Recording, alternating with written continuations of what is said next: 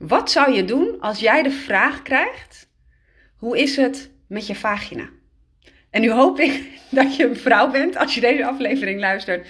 Anders zit je nu heel raar te kijken. Maar zelfs ook als je een vrouw bent, kan het zijn dat je denkt: Nou, ik kan me niet voorstellen dat iemand me dat zou vragen. Ik kreeg deze vraag laatst en ik vond hem zo ontzettend fijn. Ik ga je namelijk even meenemen in ehm, waarom. En no worries, we gaan het niet in details hebben uh, over vagina's of tot in details hebben over vagina's.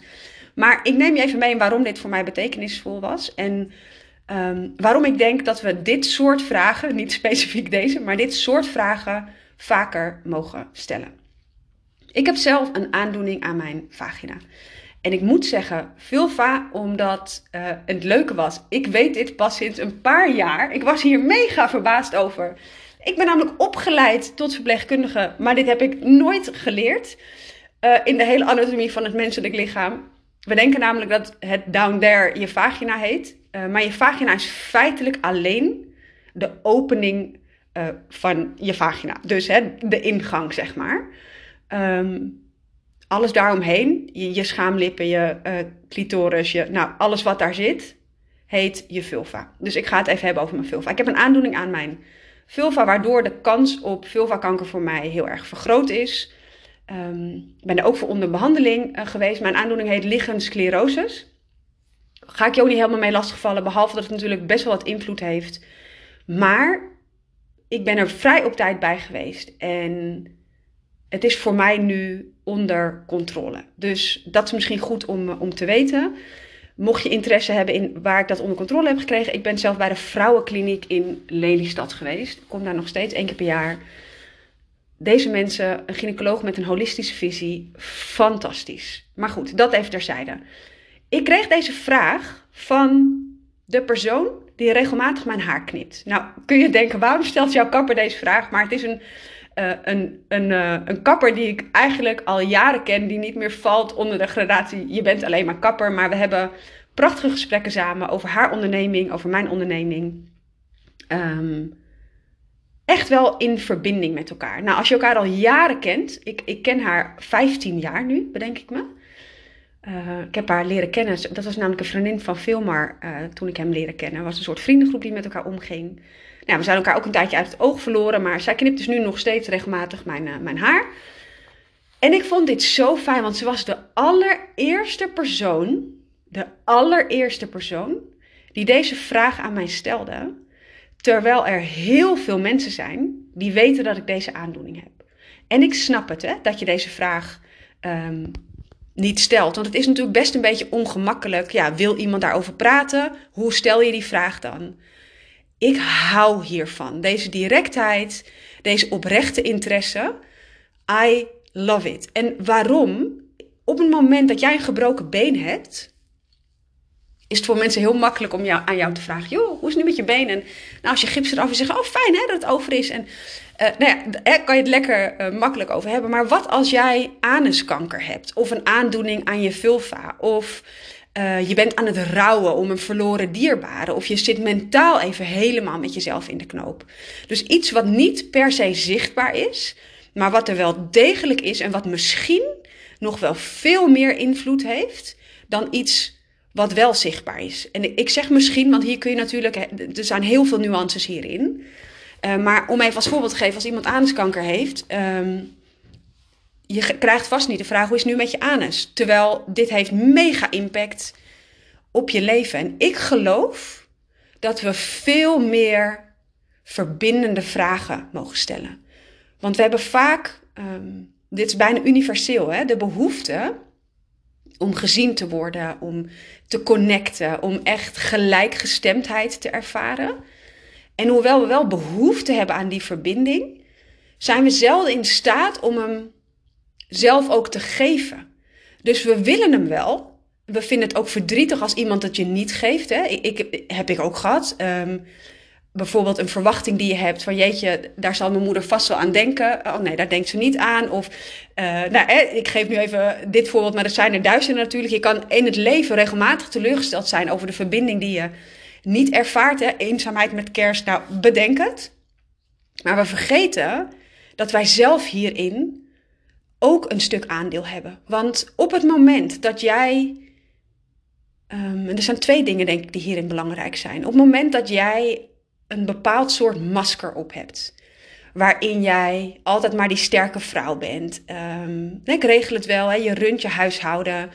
We hebben op dit moment in deze maatschappij als vrouw ook nog gewoon. En hè, je bent bezig als, als, als moeder of als. Uh, zelfs als je geen moeder bent, maar gewoon met jouw rol als, als vrouw zijnde. Met het sociale aspect, met het huishoudelijke aspect, met het regelaspect van alles wat er in je leven geregeld mag worden. Daarnaast werken we vaak ook nog eens allemaal. Dus we hebben best veel op ons bordje. Dus ik zie heel veel vrouwen die heel erg in hun hardheid zitten, heel erg in hun hoofd zitten. Veel minder met hun gevoel verbonden zijn. En altijd een bepaalde.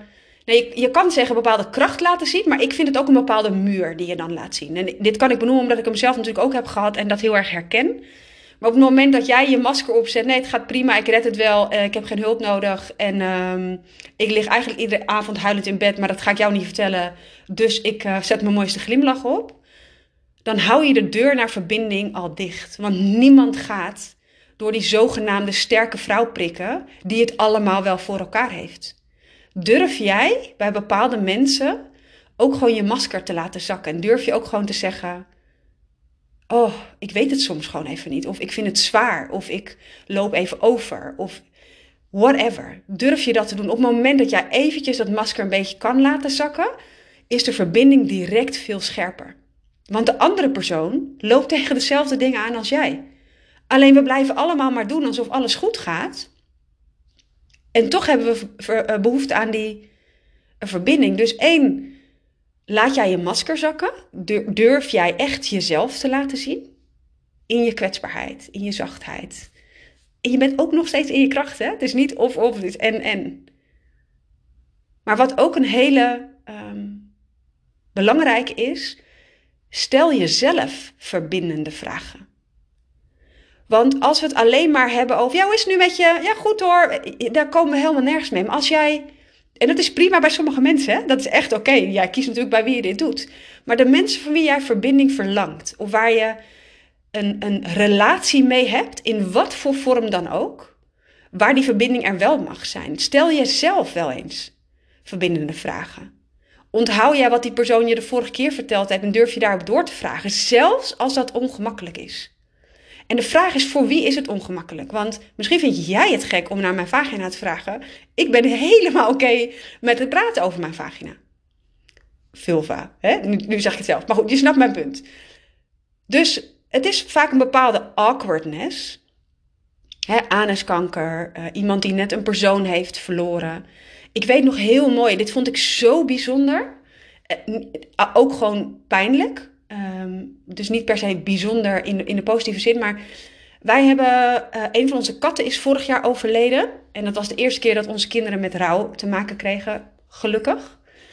Ehm, en ik weet nog dat mijn dochter op een gegeven moment in bed lag na, na twee weken of zo. Ze was nog steeds verdrietig en ze zei, mama, hoe kan het eigenlijk dat niemand vraagt naar Missy, naar onze kat die overleden was?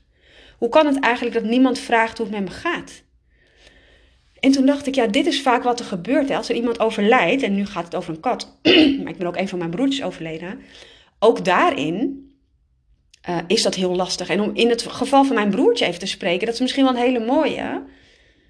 Hij overleed toen ik in mijn proeftijd zat van mijn nieuwe baan op dat moment. Letterlijk in de eerste vier weken. Hij, heeft, uh, hij kreeg in april de diagnose leukemie. En in juni is hij overleden. Ik zat in mijn proeftijd. Eh, mijn collega's, mijn nieuwe collega's, die vroegen echt wel naar hoe het ging. Maar ik hield het zelf heel erg af. Nee, gaat prima hoor. En zij dacht alleen maar, hè? Je broertje is net dood.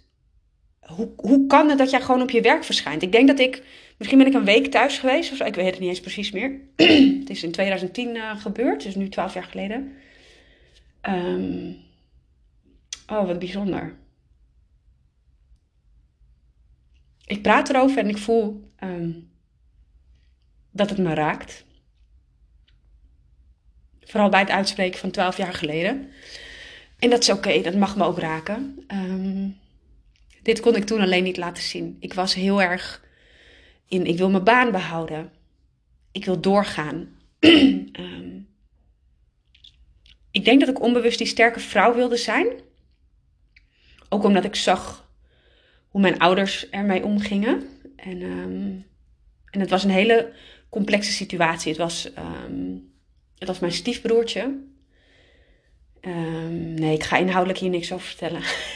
nee, ik wil het gaan doen. Ik denk, nee, hier hebben andere mensen last van als ik dit doe. Dat ga ik niet doen. Laten we het er maar op houden dat het een complexe situatie was. Ik ging alleen maar door. Dus ik kreeg de verbindende vragen wel. Maar kon er helemaal niet... Ik kon mijn masker niet laten zakken. Ik was gewoon aan het bedenken, als ik nu toelaat wat ik echt voel... Ik stort in. Ik had één kindje, mijn dochter was net geboren. Ze was, um, ik even nadenken, tien maanden oud toen mijn broertje overleed. Ja, ik ging gewoon maar door. En op het moment dat ik wel ruimte had hiervoor, toen dacht ik, waarom vraagt iemand, niemand hiernaar? Het was dus de eerste periode dat er heel veel vraag naar was, of heel veel, hè, dat het wel gevraagd werd. Nog meer trouwens door mijn collega's dan door andere mensen. Uh, ik vond het ronduit pijnlijk dat er niet meer over gesproken werd. En ik snap het ook. Dus het, het, dit zijn hele moeilijke gesprekken. Hè? En uh, het, het, zo'n vraag durven stellen zegt ook wat over jezelf kwetsbaar op durven stellen. En kun jij, als jij aan iemand vraagt hoe het met die persoon is die iemand heeft verloren, kun jij ook zonder iets te moeten fixen, gewoon er zijn voor die persoon. Wat het antwoord ook gaat zijn. Misschien moet diegene huilen, misschien wil diegene er niet over praten, misschien zegt diegene wat super fijn dat je ernaar vraagt. Gewoon de vraag: wat mis je eigenlijk het meest aan hem? je bent nu een jaar verder, maar wat mis je eigenlijk nog? Dus, dus er zijn zoveel vragen die we wel kunnen stellen, maar die verbinding aangaan met elkaar vraagt dus meerdere kanten. Het vraagt kwetsbaarheid als vraagsteller en het vraagt kwetsbaarheid in toe kunnen laten dat iemand jouw kwetsbare vragen kan stellen. Klinkt die nog logisch? En we zijn vaak bang hè, dat als je erover begint dat het misschien ongemakkelijk gaat voelen. Of ja, maar misschien wil die persoon er helemaal niet over praten, dus vraag ik het maar niet. Maar wat als die persoon er wel over wil praten? En dit een, een, iemand is waar jij van houdt, waar je om geeft. En jij uit angst van ja, maar wat als die persoon er niet over wil praten? Ja, maar wat als die kans nou vele malen groter is dat die persoon er wel over wil praten? Dan laat je die kans dus liggen, omdat jij geen blauwtje wil lopen, even tussen haakjes om, af, om die afwijzing niet te voelen. Want dat is feitelijk wat er gebeurt als iemand zegt: Nou, ik, ik heb er even geen behoefte aan. Oeh, dat kan een beetje zeer doen. Want je stelt een kwetsbare vraag. Maar de kans dat iemand er wel over wil praten is vele malen groter. En de kans dat iemand zich gezien voelt en gehoord voelt en even ruimte heeft voor de processen die in die persoon spelen, dat is goud waard. Dus laat je eigen angst voor deze ja, ogenschijnlijk ongemakkelijke situaties je hierin niet remmen. En ik wil je ook echt uitnodigen, als jij meer behoefte hebt aan verbinding en aan gelijkgestemdheid en aan zelf gezien worden, stel verbindende vragen. En nee, niet iedereen hoeft me nu te gaan vragen hoe het met mijn vagina is, maar ik geef hem wel heel specifiek als voorbeeld, omdat ook de niet zichtbare dingen er gewoon zijn.